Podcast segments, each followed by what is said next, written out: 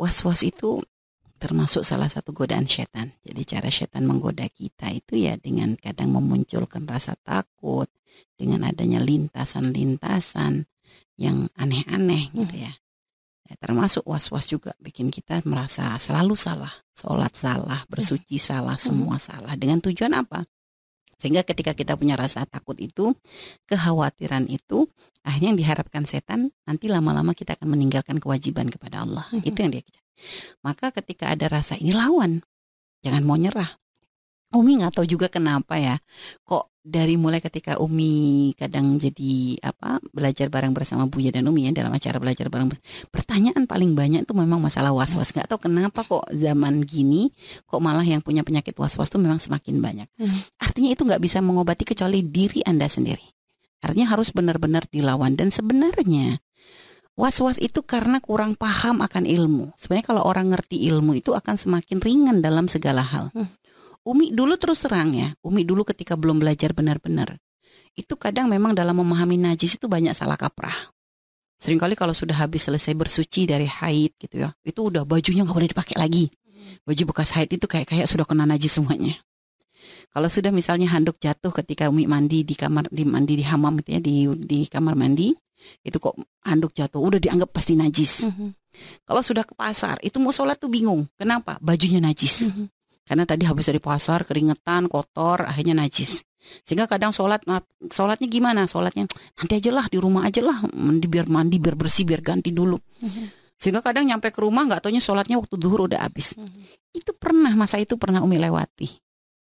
Pernah. Sehingga ketika Umi belajar benar-benar kita kenal sudah mulai mempelajari ilmu agama ya Allah akhirnya Umi itu banyak ngomong kenapa dulu bahlul banget ya kenapa kok bahlul banget ternyata syariat itu begitu ringannya nggak ada baju najis gara-gara dipakai oleh orang head mm-hmm.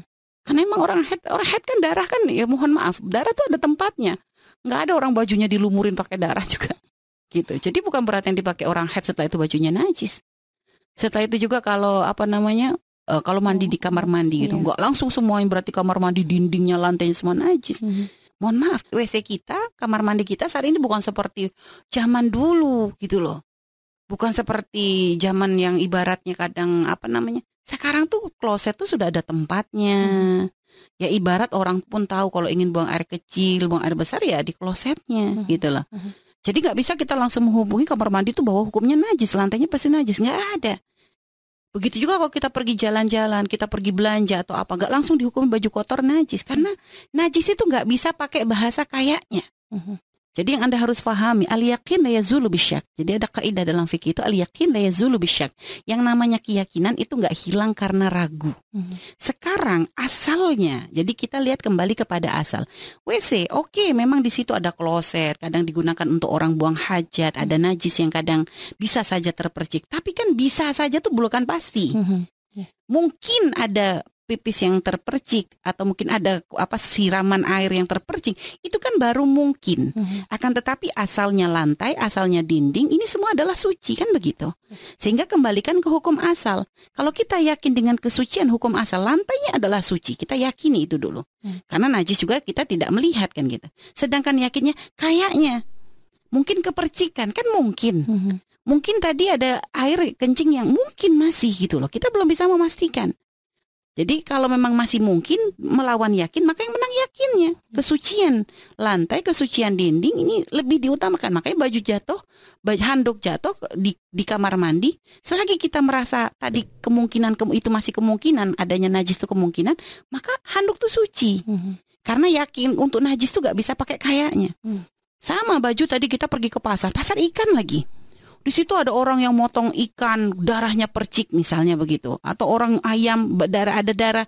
Kadang mungkin lantainya juga bercampur darah. Hmm. pas itu lagi becek lagi. Sekarang tanyakan dulu Anda tadi tadi ketika pakai baju pergi ke pasar bajunya yakin suci atau enggak? Yakin ini baju bersih nih baru saya cuci. Oke sekarang Anda ke pasar. Lalu ketika itu mungkin ada becek dan sebagainya. Najisnya gimana? Kayaknya kena kayaknya Nah ini kayak ngelawan baju yang diyakini suci, maka yang menang adalah baju sucinya. Hmm. Kayaknya itu jadi kalah. Ya, jadi najis itu akan menang kalau yakin ketemu yakin. Hmm. Jadi baju Anda yakin sucinya, lalu Anda ke pasar yakin kecipratannya hmm. dan yakin cipratannya itu ada darahnya. Mhm. Gitu. Yakin cipratan itu ada najisnya. Darah pun ya, kalau misalnya darah-darah ikan, itu pun kalau misalnya nyiprat ke kita pun gak langsung dihukumi najis semua kok. Dilihat kalau hanya sedikit ibaratnya begitu. Mhm. Hukum masih masih darah sedikit itu masih dimaafkan. Itu. Jadi banyak celah sebenarnya. Hmm. Jadi semakin akhirnya begitu mempelajari ya Allah, kenapa balul banget. Gara-gara khawatir baju kotor, baju nganggap dianggap najis, akhirnya jadi ninggalin sholat. Dosanya lebih gede. Mhm. Ya Allah, padahal sebenarnya kalau kita nyam, kalau kita ini ya, kalau kita ngerti hukum, ibadah tuh di mana saja nyaman. Setelah kita ngerti hukumnya, sholat itu masya Allah, kita tuh nggak ragu. Apakah kita mau sholat di mobil untuk sholat sunnah ya? Kalau di mobil kiblatnya kan arah arah mobil, Mhm. atau di kereta, kita nggak lagi takut gitu, nggak was was lagi. Mhm. Bahkan Umi kalau sudah di kereta sudah sudah harus memang kita kalau udah perjalanan tuh kita memang sudah Umi udah siap gitu ya. Karena memang misalnya udah mikir bahwa nanti di perjalanan Umi akan melakukan sholat duha. Misalnya tadi di rumah belum sempat sholat duha. Mhm. atau nanti ada sholat apa yang pengen. Umi sudah siap. Baju Umi itu sudah baju siap sholat. Artinya Umi sudah pakai baju yang memang enak. Jadi Umi supaya nggak pusing-pusing cari mukena itu selalu kita siapkan. Jadi kalau mau pergi cari cari tangannya yang misalnya bisa ditarik gitu ya Mhm. yang masanya bisa nutupin sampai pergelangan lebih gitu lebih dari pergelangan setelah itu kerudungnya juga yang jangan sampai rambut umi kelihatan Mhm. setelah itu pokoknya dibikin enak terus cari baju juga yang paling enak dipakai wudhu Mhm. supaya nanti jangan sampai ketika wudhu pasti pusing buka-buka baju dulu Mhm. gitu kan. Ada makanya makanya kalau sudah pakai mau perjalanan dan diperkirakan kita akan melakukan sholat pakai kerudung yang simple. Ya gimana kita bisa sholat? Tunggu kita kerudungnya aja jarum pentulnya aja sampai puluhan. Itu masang jarum pentulnya lagi sudah bikin kita males.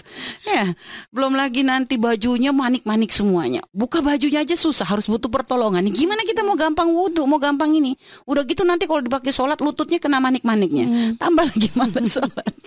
Makanya ya subhanallah. Jadi kita ini kadang dalam perjalanan saya milih baju yang sekiranya menyembikin nyaman sholat itu belum perjalanan sudah pahalanya udah dapet kok gitu loh. Subhanallah lihat, lihat. Jadi begitu mudahnya ya Ukti ya. Tadi jadi tadi tadi was-was yang di kamar mandi takut lantai. Sudah selagi najisnya tidak Anda lihat. Ukti masih kayaknya sudah jangan dianggap selagi tidak nampak tidak diyakini. Nah, jadi ke- kecuali Ukti yakin ada kencing yang memang benar-benar terpercik. Jadi bukan kayaknya. Jadi yakin ketemu yakin, lantainya yakin suci tapi ketemu dengan najis yang yakin jatuh ke lantai. Hmm. Maka kalau seperti itu najis, Hmm. tinggal disucikan saja. Kalau mencucikan hama mah gampang, siram aja sudah. Mhm. Kan ada pengeluar airnya. Mhm. Jadi gak usah pusing. Gak usah nanti perlu dikeringkan lagi nggak? Kalau sudah airnya ngalir sudah gitu loh. Karena kamar mandi itu kan semuanya ada pembuangannya. Kamar mandi Anda begitu kan gitu loh. Hmm. Nggak bukannya airnya langsung. Jadi kalau rata-rata kamar mandi ya begitu disiram ya sudah mengalir, sudah. Anda nggak usah pusing. Tapi ini kayaknya masih itu yang bikin stres. Jadi tidak ada yang bisa menyembuhkan was-was Anda kecuali Anda sendiri. Jadi lawan dengan ilmu. Jadi Anda harus yakin najis itu akan dihukumi najis di saat dengan yakin bukan dengan kayaknya. Jadi itu ya. Jadi supaya Anda supaya hilang rasa was-was Anda, lawan jangan dituruti karena nanti dari mulai was-was ini nanti akan merembet kepada was-was yang lainnya. Mhm. Orang bisa saja was-was akidah dimulai dari was-was urusan najis. Iya. Jadi sampai akhirnya was-was urusan Allah. Apakah benar Allah Tuhanku? Naudzubillah. Sampai gitu nanti kafir nanti. Mhm. Murtad kita. Naudzubillah. Jadi begitu ya. Jadi ukti lawan lawan jadi jangan turuti bahas apa godaan syaitan. Langsung baca auzubillahi minasyaitonirrajim. Auzubillahi minasyaitonirrajim. Banyak baca Al-Falaq bin Nas nanti. Baca Al-Falaq bin Nas. Nah, itu untuk menjauhkan kita dari godaan syaitan. Lalu usapkan eh, tiup, usapkan ke seluruh tubuh. Sering baca. Sering baca. Bahkan dalam keadaan haid boleh membaca karena itu untuk tahasun. Mhm. Jadi boleh membaca ayat-ayat Al-Quran yang memang untuk penjagaan atau sudah dijadikan dikir-dikir itu boleh. Jadi gitu. Jadi ukti baca walaupun dalam keadaan head boleh baca Al-Falaq binas terus sambil diusapkan artinya ditiupkan ke seluruh tubuh gitu ya dengan niat supaya Allah menjaga. Boleh kalau Anda memang punya dikir-dikir yang lain berdulatif itu rutinkan istiqomahkan. Ya, jadi seperti itu wallahu alam bisawab.